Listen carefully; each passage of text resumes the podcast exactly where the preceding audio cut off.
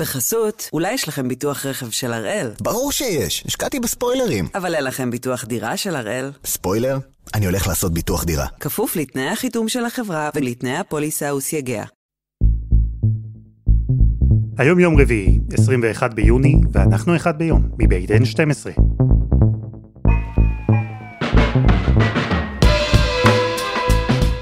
אני אלעד שמחיוף ואנחנו כאן כדי להבין טוב יותר מה קורה סביבנו, סיפור אחד ביום, בכל יום.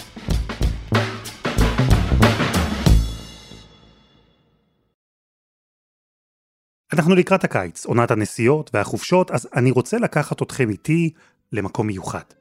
זו עיר שנמצאת על אגם קסום. יש בה נוף מרהיב, היא מלאה בהיסטוריה.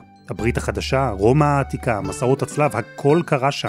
היא עיר שיש לה היסטוריה דתית, תרבותית וצבאית. כתבו עליה סרטים, סיפורים, שרו עליה שירים. יש בה מבנים עתיקים, יש בה בית כנסת שהיה מרכז של קהילה יהודית תוססת וגדולה. היא עיר קדושה. זה נשמע טוב, נכון? היעד הבא שלכם לטיול? יופי. כי העיר הזו היא טבריה. עיר שעל הנייר יש לה את כל המאפיינים להיות מה שקוראים סוכני הנסיעות פנינה. אבל כשמרימים את הראש מהנייר, רואים עיר מוזנחת, עיר ענייה. עיר שכן, יש בה מלונות, אבל אחוזי התפוסה שבהם נמוכים יותר מאשר בערים אחרות בארץ. עיר שהשכר הממוצע בה נמוך בשליש מהממוצע הארצי. עיר, ועל זה כנראה יסכימו כולם, שלא מממשת אפילו חלק קטן מהפוטנציאל שגלום בה. ועכשיו, כשאנחנו לפני מערכת בחירות שתארך שם בעוד כמה חודשים, מתנהל על טבריה קרב שהוא גדול יותר אפילו מהעיר עצמה. זה קרב שהגיע גם לכנסת, קרב שיכול לשנות את החוקים של השלטון המקומי כולו. כי הצעת חוק שהתחילה השבוע את הדרך שלה להצבעה, רוצה שבטבריה יקרה משהו שעד עכשיו הוא אסור. שראש ועדה קרואה שמנהל את טבריה יוכל להתמודד ולהיות גם ראש העיר שלה. המועמדים האחרים, יש לא מעט כאלה, ממש לא מרוצים. אז הפעם אנחנו עם הקרב על ראשות עיריית טבריה. גיא ורון, כתבנו בצפון, שלום. שלום אלעד. עיר של קצת פחות מ-50 אלף תושבים מייצרת כבר שנים לא מעט דרמות בלשכת ראש העיר וגם הפעם. איך אתה מסביר את זה שטבריה מעוררת כל כך הרבה אמוציות? טוב, טבריה זה באמת עיר מיוחדת בכלל בהיסטוריה של העם היהודי, אחת מארבע הערים העתיקות, עיר מוקפת חומות, כמות ארכיאולוגיה מטורפת ומדהימה ועיר חשובה. אה, יחד עם זאת, זאת אחת הערים הגדולות ביותר שיש בצפון, מעל 50 אלף איש, זה אומר הרבה מאוד מצביעים. עיר ליכודית עם, אה, אני חושב, מעל 30 אחוז בבחירות האחרונות, עיר שמצביעה במספרים גבוהים לש"ס וליהדות התורה, עם 70 אחוזים בטוטל לשלוש מפלגות האלה אה, בבחירות האחרונות, כלומר זו עיר שמעניינת את הפוליטיקאים. וזו עיר יפהפייה, אתה יודע מה, אני אדייק בעצם, זו עיר שיכולה להיות יפהפייה, פעם היא באמת הייתה כזו. טבריה זו עיר שאין, אני חושב, אנשים בני 30 ומעלה שלא זוכרים איך כשהם היו ילדים וצעירים היו הולכים לנופש בטבריה יחד עם המשפחה.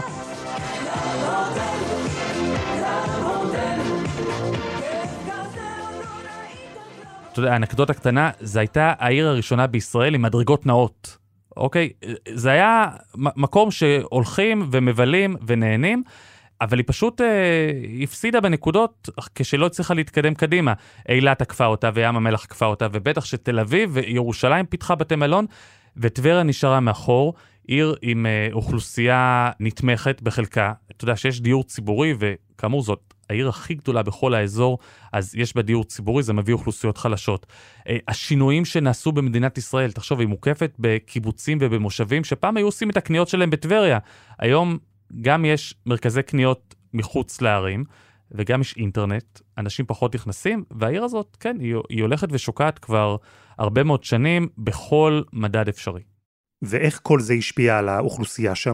אז זה השפיע בזה שהייתה בריחת uh, תושבים. הרבה מאוד תושבים מהמעמד החזק, אלה עם המקצועות וההכנסות, פשוט עזבו את העיר, ומי שנשאר מראש כבר חלש יחסית. תוסיף על זה שב... אני חושב, 15-20 שנה האחרונות, כשניסו להביא אוכלוסיות חדשות, מי שקפצו בראש, אה, או שהיו מוכנים אה, לקפוץ למקום, זה קהילות חרדיות שבנו שכונות שלמות, ששינו את הדמוגרפיה של העיר. אה, אני חושב היום בטבריה יש, יש ויכוח, אבל סביב 25% אוכלוסייה חרדית בעיר. שלמרות הסטיגמה על אוכלוסייה שלא עובדת, שלא מייצרת, חלקם הגדול עובד, אבל זה מן הסתם משנה את הצביון של העיר, זה יותר בתי כנסת, יותר כוללים, יותר ישיבות, ויותר אנשים שפחות ראינו קודם בנוף של טבריה, שעכשיו הם מאוד דומיננטיים. זהו, כי כל הנתונים מצביעים על כך שהעיר במצב כלכלי קשה, היא מה שמוגדר אשכול סוציו-אקונומי 4. ואני תוהה, ורון, כי דיברת על החשיבות של העיר, גם ההיסטורית, הדתית והפוליטית. איך היא הגיעה למצב הזה? לא היה אף אחד שבמשך עשרות השנים האחרונות אמר, רגע, בואו נעצור ונשנה את המגמה? היו הרבה מאוד ניסיונות לשנות את זה. תראה, לטבריה יש, אני חושב, המעריץ הכי גדול שלה, או אולי מעריצים, זה ראש הממשלה ורעייתו. שלום לכם,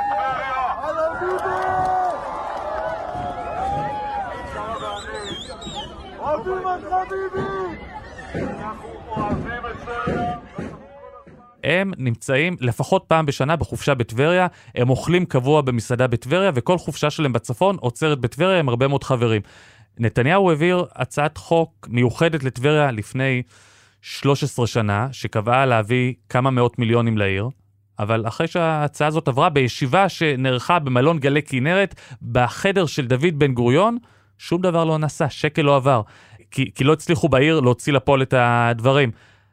תראה, דבר הרבה יותר בסיסי, מדברים שנים ארוכות שחייבים לשנות את הטיילת של טבריה. מקור המשיכה החשוב ביותר לתיירים, עשו שם אין ספור טעויות תכנוניות לאורך השנים. למעשה, הבניין הכי קרוב למים הוא בניין מכוער בין שלוש קומות, נטוש, מוזנח והרוס, ששייך לבעלים שכבר לא איתנו והיורשים שלו לא מסוגלים להחליט מה לעשות איתו.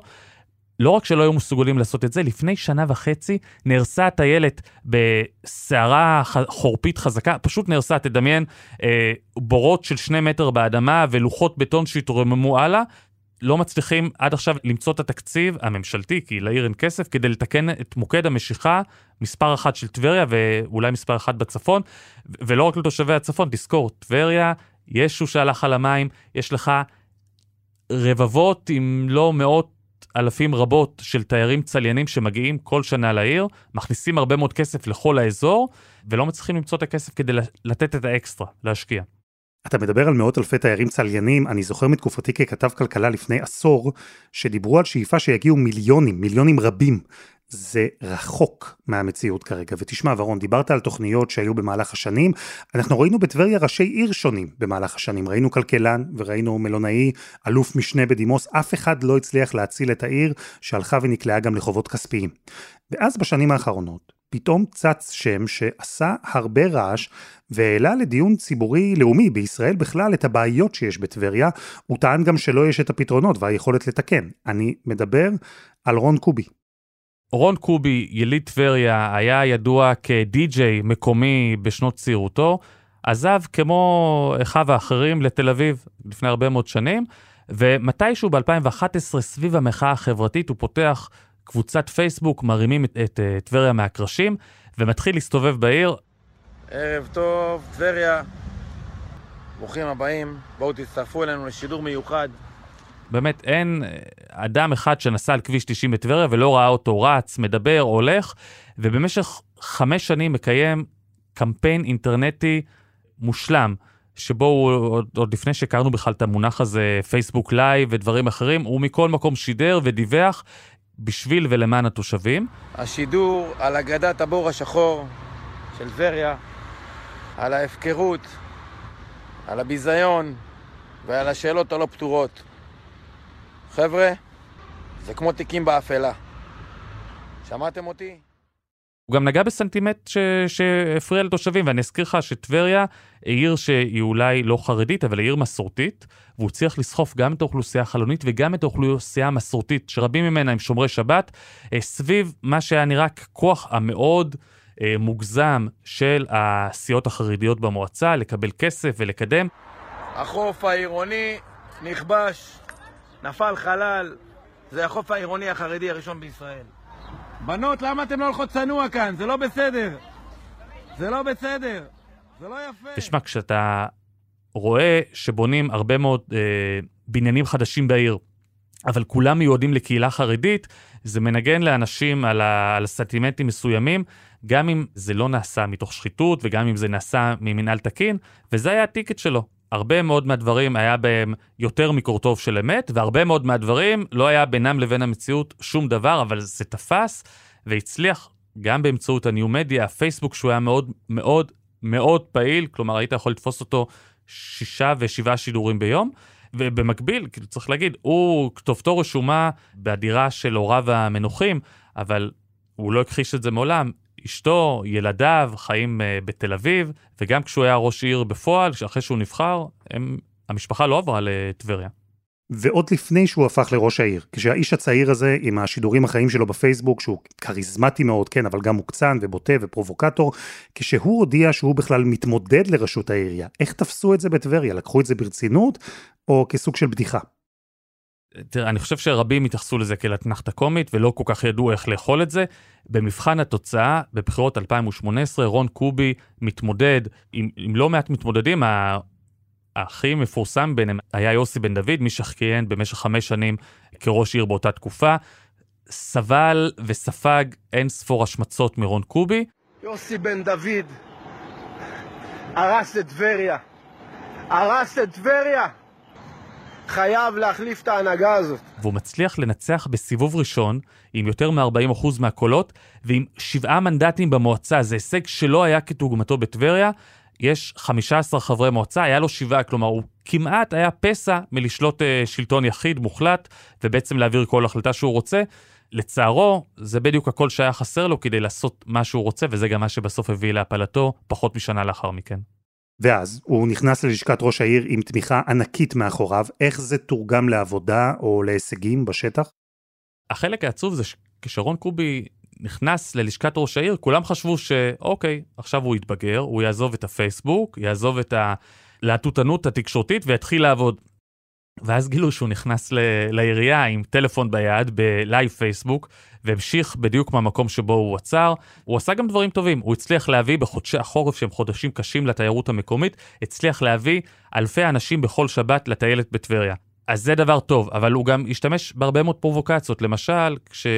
הוא אמר שהוא יוציא אוטובוס שיעבור בשכונות החרדיות, יאסוף את התושבים ויוריד אותם לטיילת. הוא עושה את זה, להיכנס בנו, להפריע לנו, שנצא משליטה. הוא שונא את השבת ושונא אנשים אה, ששומרים שבת, נקודה. אחר כך הוא אמר, אנחנו נפתח לרחצה דווקא את החוף הנפרד, החוף הכשר בטבריה, שכאמור יש בה לא מעט אוכלוסייה דתית ושומרת מסורת, ואותו אנחנו נפתח בשבתות. וכשהאוכלוסייה הדתית והחרדית החליטה שהיא מתעלמת ממנו, אז הוא עבר לאוכלוסייה המוסלמית. הוא התחיל להגיד שהמסגד העתיק שנמצא במרכז העיר טבריה, עכשיו אנחנו נהרוס אותו, או נשנה אותו, והרים עליו את כל האוכלוסייה הערבית בישראל. פרובוקטור, מסית, אתה מסכסך בין האנשים, אתה מסכסך בין העמים. תשמע, אל תצעק, בוא תשתה קפה. הוא היה, בעקבות כל הדברים האלה, ראש עיר מאוים. קופת עיריית טבריה שילמה הרבה מאוד כסף על ההבטחה שלו במשך התקופה הזאת, ובסוף רון קובי היה צריך להעביר תקציב בעיר כדי שיהיה מינהל תקין. אה, הוא לא הצליח לגייס אף לא חבר אה, מפלגה או חבר אה, רשימה אחרת מה, מרשימת חברי העיר, היה חסר לו כל אחד כדי להעביר תקציב.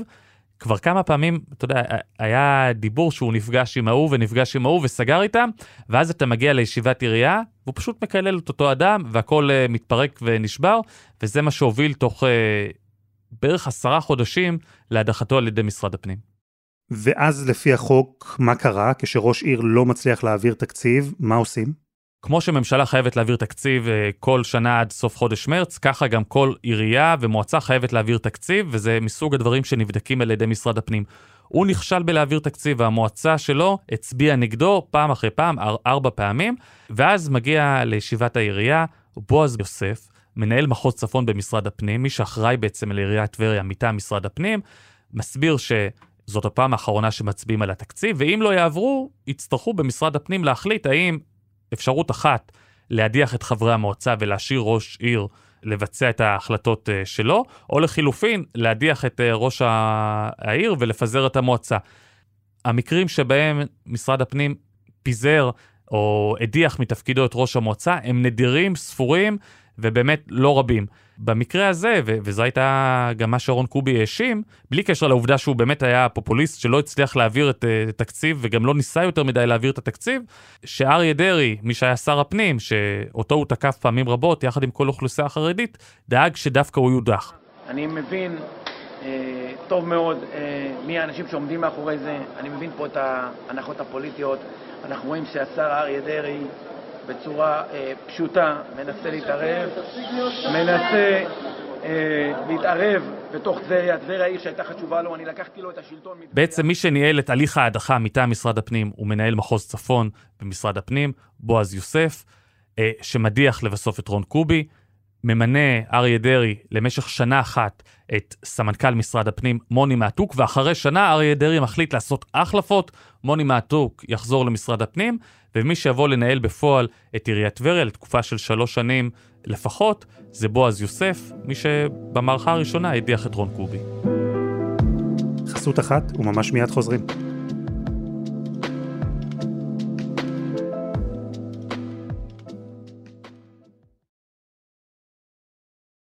בחסות, אולי יש לכם ביטוח רכב של הראל, ברור שיש, השקעתי בספוילרים. אבל אין לכם ביטוח דירה של הראל. ספוילר? אני הולך לעשות ביטוח דירה. כפוף לתנאי החיתום של החברה ולתנאי הפוליסה וסייגיה. אנחנו עם הקרב על ראשות עיריית טבריה, מרוץ שאמור להסתיים עם הבחירות שם בחודש אוקטובר, אבל כבר השבוע הגיע לכנסת, הוא מעורר הרבה אמוציות והרבה ויכוחים.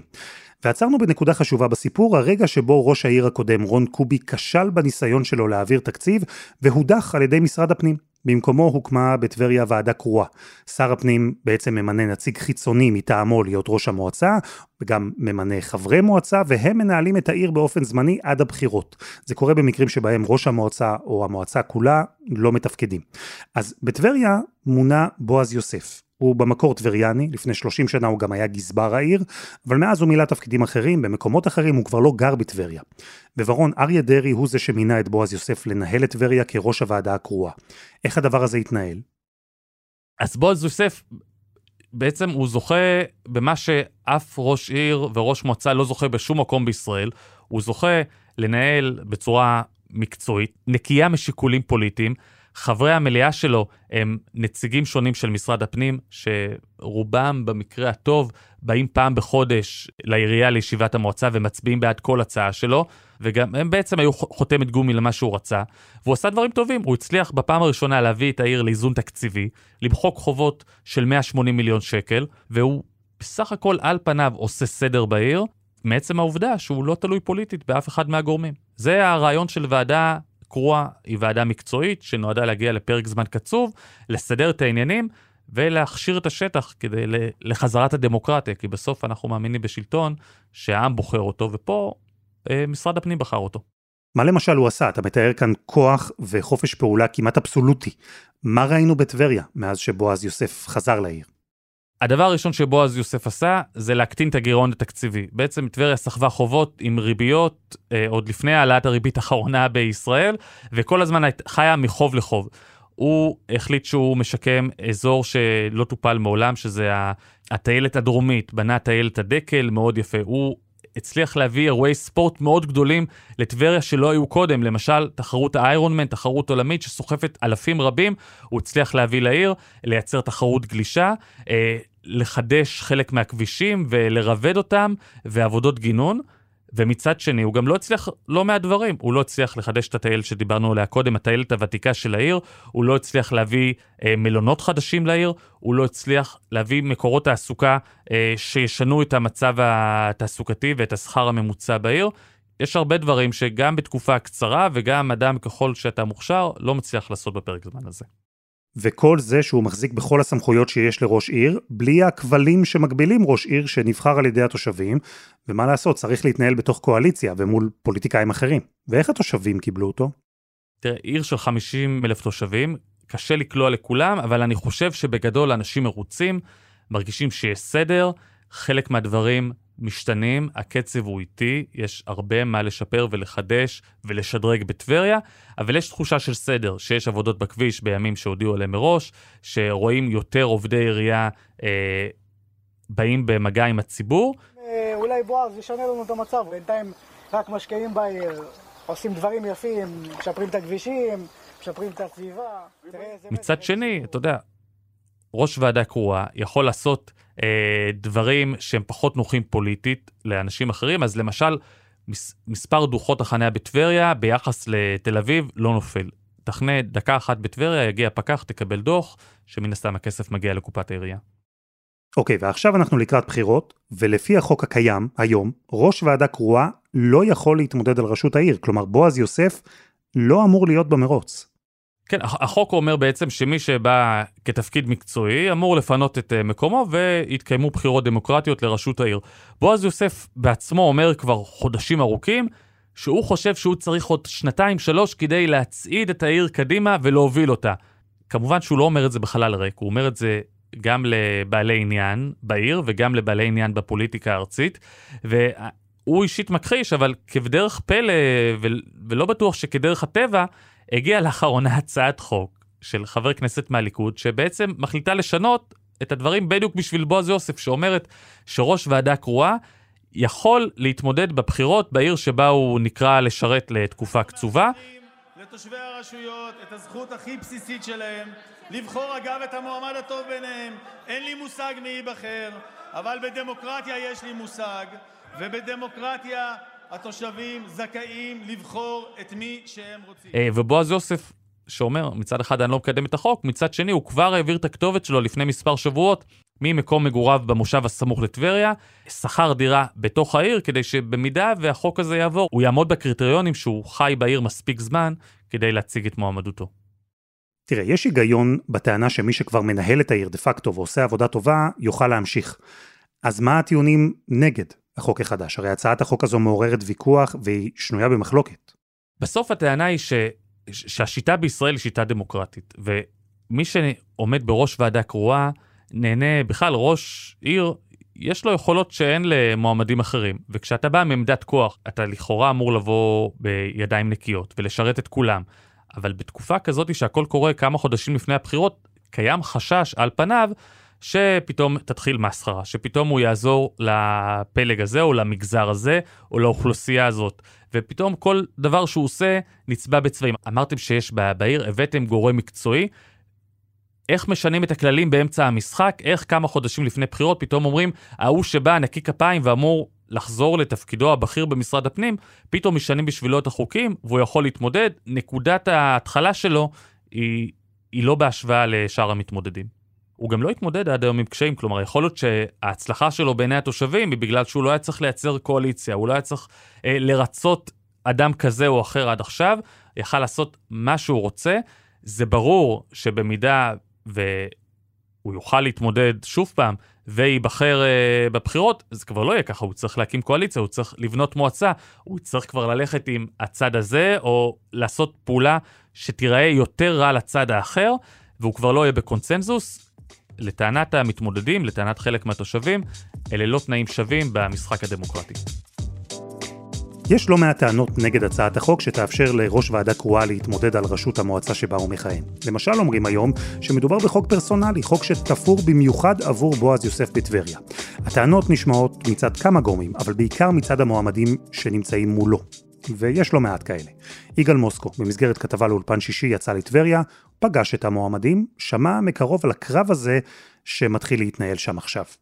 תראה, זה מתחיל להתעורר, עסוקים בזה, אה, כל יום מישהו חדש מגיש מועמדות, אבל דווקא אני חושב שזה עצוב, כי, כי אין אף איזה פיגורה גדולה, רצינית, איזה אלוף במילואים, או מישהו כזה שמנסה לקחת את טבריה. וכאילו כל הגדולים הרימו ידיים, וכל האחרים אומרים, רגע, יש איזה משרה פנויה, זה כסף, כוח וכבוד על הרצפה, בוא נגיש, אה, בוא נכריז שאנחנו רצים. מוסקו, את אה, רון קובי ואת בועז יוסף כבר הכרנו כאן, שמענו עליהם. מי עוד מתמודד על ראשות העיר? יש את uh, עורכת הדין שני אילוז. אם היה אכפת לי רק מכסף, למה אני באה? ב- למה אני חוזרת לכאן? למה אני רוצה להיות ראש עיר? אני מרוויחה פי ארבע מראש עיר. עושה... שהיא, אני קראתי לה מועמדת נוצצת, היא באה עם המרצדס, היא מוכרת מהתקשורת מאז שהיא הייתה עורך דין של קצב, ואחר כך של נוחי דנקנר וגם של אולמרט, עורכת הדין של אסירים. אני חייב לומר, לא ראיתי שיש לה חזון שישנה את פניה של טבריה, אבל יש לה כנראה איזה עשרה אחוז כבר בגלל המוכרות שלה. יש לה סיכוי להביא חלק מהחרדים, אז לא, לא הייתי מבטל את, את, ה, את המועמדות שלה. יש יוסי בן דוד, שהיה ראש עיר לפני אה, רון קובי, אה, יש לו איזה בסיס תומכים, אני כרגע לא נראה שהוא סוס מנצח. ויש עוד כל מיני מועמדים, יש אה, יניב כהן בעל מוסך, יש אופיר נחמני אה, שהוא העיתונאי של טבריה, ויש עוד ועוד, אה, לא נראה שהסיכויים שלהם גבוהים. איך נאמר, אתה לא נשמע לי נלהב במיוחד מהמועמדים ומהחזון שהם מציגים לעיר. כן, אני חייב לומר שלא יצאתי עם תקווה גדולה, כי רון קובי כבר היה שם. ואולי יש לו סיכוי להיבחר בגלל האנטי חרדיות, אבל תשמע, זה איש אה, מאוד בלתי צפוי, אחרי שהוא נבחר פעם קודמת, תוך חצי שנה הוא, הכרי, הוא הקים רשימה והוא רץ לכנסת בכלל, ובסופו של דבר הוא דח מטבריה כי הוא לא הצליח להקים קואליציה ולהעביר אה, תקציב. תשמע, טבריה צריכה טיפול שורש עמוק. אה, זה גם לא רק עניין של ראש עיר, זה, זה ממשלת ישראל צריכה להחליט שהיא לוקחת את טבריה כפרויקט לאומי. זה לא יכול לבוא רק מראש העיר, אבל אתה צריך ראש עיר חזק, ראש עיר מנהיג, ש... שיהפוך את המדינה בשביל זה, ושיביא איתו איזשהו, איזשהו כוח, או מעולם העסקים, או כוח פוליטי חזק, שיעשה את השינוי שמחכים לו כל כך הרבה שנים. וכרגע אנחנו לא יודעים מה יהיה עם בועז יוסף. אם החוק שמתיר לו להתמודד יעבור, המרוץ לראשות עיריית טבריה ייראה אחרת לגמרי מאשר אם ליוסף אסור יהיה להתמודד, הוא מועמד מוביל במרוץ. איך התרשמת ממנו? אני חייב להגיד שהוא איש רציני, אני באתי אולי עם דעה קדומה, אה, כי, כי יצאה בתקשורת קונספירציה שלדעתי מפיץ רון קובי, שהוא פרוקסי של אה, ש"ס ואריה דרעי, ושבעצם חבר הכנסת עמית הלוי מהליכוד שמנסה להעביר את התיקון לחוק, עושה את זה בשביל אריה דרעי. תשמע, הכל יכול להיות, אבל הוא, בועז יוסף הוא איש אה, רציני. הוא עשה את כל התפקידים האפשריים בשלטון המקומי ובמשרד הפנים. הוא איש רציני, אני לא בטוח שהוא המנהיג שטבריה צריכה באמת לעבור מהפך, אבל הוא לא איש מושחת ורע. טבריה צריכה מנהיג, פרויקטים במיליונים זה יפה, אבל טבריה צריכה מיליארדים. טבריה צריכה תשתית תיירותית חדשה לגמרי, לפתוח את כל הרחובות לכיוון הים. היום אתה לא יודע איך להגיע, העיר הזאת יושבת על הכנרת, אתה לא יודע, רגע, איך, איך מגיעים לכנרת, איך יורדים פה לחוף. וזה אותו דבר כמו שאתה ואני זוכרים מלפני 30 שנה, לא השתנה כלום. כל מרכז העיר, היום יש לך אה, במרחק 200-300 מטר מהחוף, יש לך מוסכים. במרכז העיר טבריה, כל מיני גיבוב של דברים לא ברורים. צריך להפוך את מרכז העיר, לפתח את התיירות בענק ולהתחיל תהליך התחדשות עירונית, כי לא נעים להגיד, אבל העיר מכוערת. יש שם בניינים מאוד מאוד ישנים, העיר לא נראית טוב. אמרת מכוערת, זו מילה אה, קשה, אבל הרבה אנשים יסכימו איתך. והדיסוננס פה הוא מה שמעצבן, כי זו עיר שיכולה להיות עיר מדהימה, יש לה את כל מה שצריך. כן, טבריה יושבת על האוצר, אנחנו כולנו יכולים לחשוב על עיירות שראינו בעולם שיושבות על כל מיני אגמים ואיך אה, הן נראות ואיך נראית טבריה. אין משהו אחר, אני לא חושב שצריך להביא, לפתוח פארק הייטק בטבריה. יש את הכנרת, הכנרת יכולה להביא תיירות הן פנימית ישראלית והן כמובן של צליינים, שהיום יש את זה, אבל אני מתבייש לחשוב מה, מה התיירים האלה רואים כשהם מגיעים ומה הם אומרים לעצמם. ו- ואנחנו לא יודעים כמה תיירים פוסחים על טבריה בגלל שהחברות והמדריכים מראש רוצים לחסוך את הביזיון הזה. הצלחת להבין אבל למה זה קרה? איך נוצר הפער בין הפוטנציאל לבין המצב של טבריה? אני שאלתי את בועז יוסף, למה יש נאחס כזה על טבריה? אז הוא אומר שהאוכלוסייה, בגלל המצב הסוציו-אקונומי שלה, לא מסוגלת להרים את טבריה לבדה. השאלה איך הגענו למצב הזה, שאוכלוסייה כזאת חלשה, ואני חושב שאיפשהו זה, זה סטה לפני 30 או 35 שנים, מישהו נרדם בשמירה ולא התחיל התחדשות של טבריה בזמן, ואז זה נהיה מעגל קסמים כזה. אה, יש פחות פרנסה מהתיירות, ומחירי הדירות יורדים, אז נכנסים חרדים, אז מדברים על התחרדות, אז מחירי הדירות יורדים עוד יותר, ואוכלוסייה חזקה לא נכנסת, וקשה מאוד לצאת מהמעגל הזה כיום. ורון, דיברנו כאן על טבריה, על המרוץ לראשות עיריית טבריה, אבל המרוץ הזה יכול להוביל בעצם לשינוי בכלל בשלטון המקומי בישראל. זה נכון שוועדה קרואה זה לא דבר מאוד נפוץ, אבל אם החוק שנולד היום כדי שבועז יוסף יוכל לרוץ לראשות העיר יעבור, אנחנו מדברים על שינוי בכללי המשחק שיחול גם במקומות אחרים. כן, ולכן זה כנראה גם ילך בסוף לבג"ץ. זה באמת מה, מהאירועים הכי אה, דרמטיים שקורים אחת לחמש שנים. תראה, אילת בישראל באופן יחסי, השלטון המרכזי, הממשלה, היא מאוד חזקה, ומשרדי הממשלה באמת שולטים בכמעט כל צעד ושעל שלנו בבירוקרטיה, אבל בסוף, מתי אתה הכי מתוסכל בתור תושב?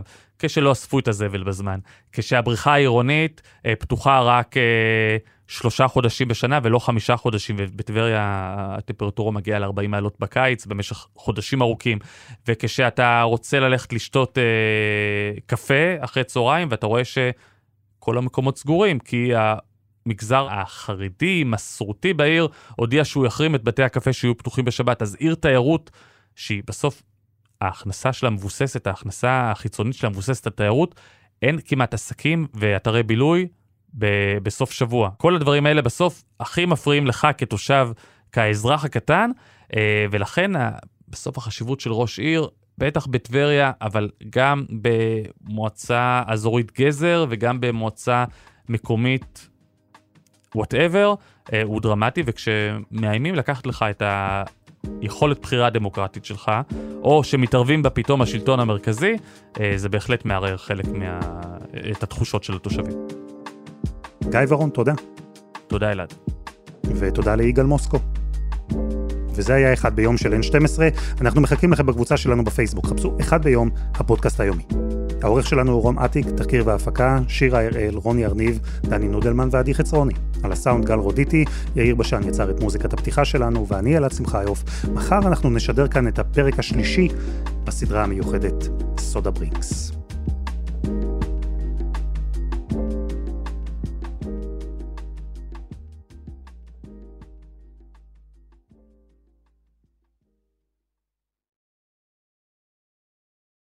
בחסות, אולי יש לכם ביטוח רכב של הראל? ברור שיש, השקעתי בספוילרים. אבל אין לכם ביטוח דירה של הראל? ספוילר?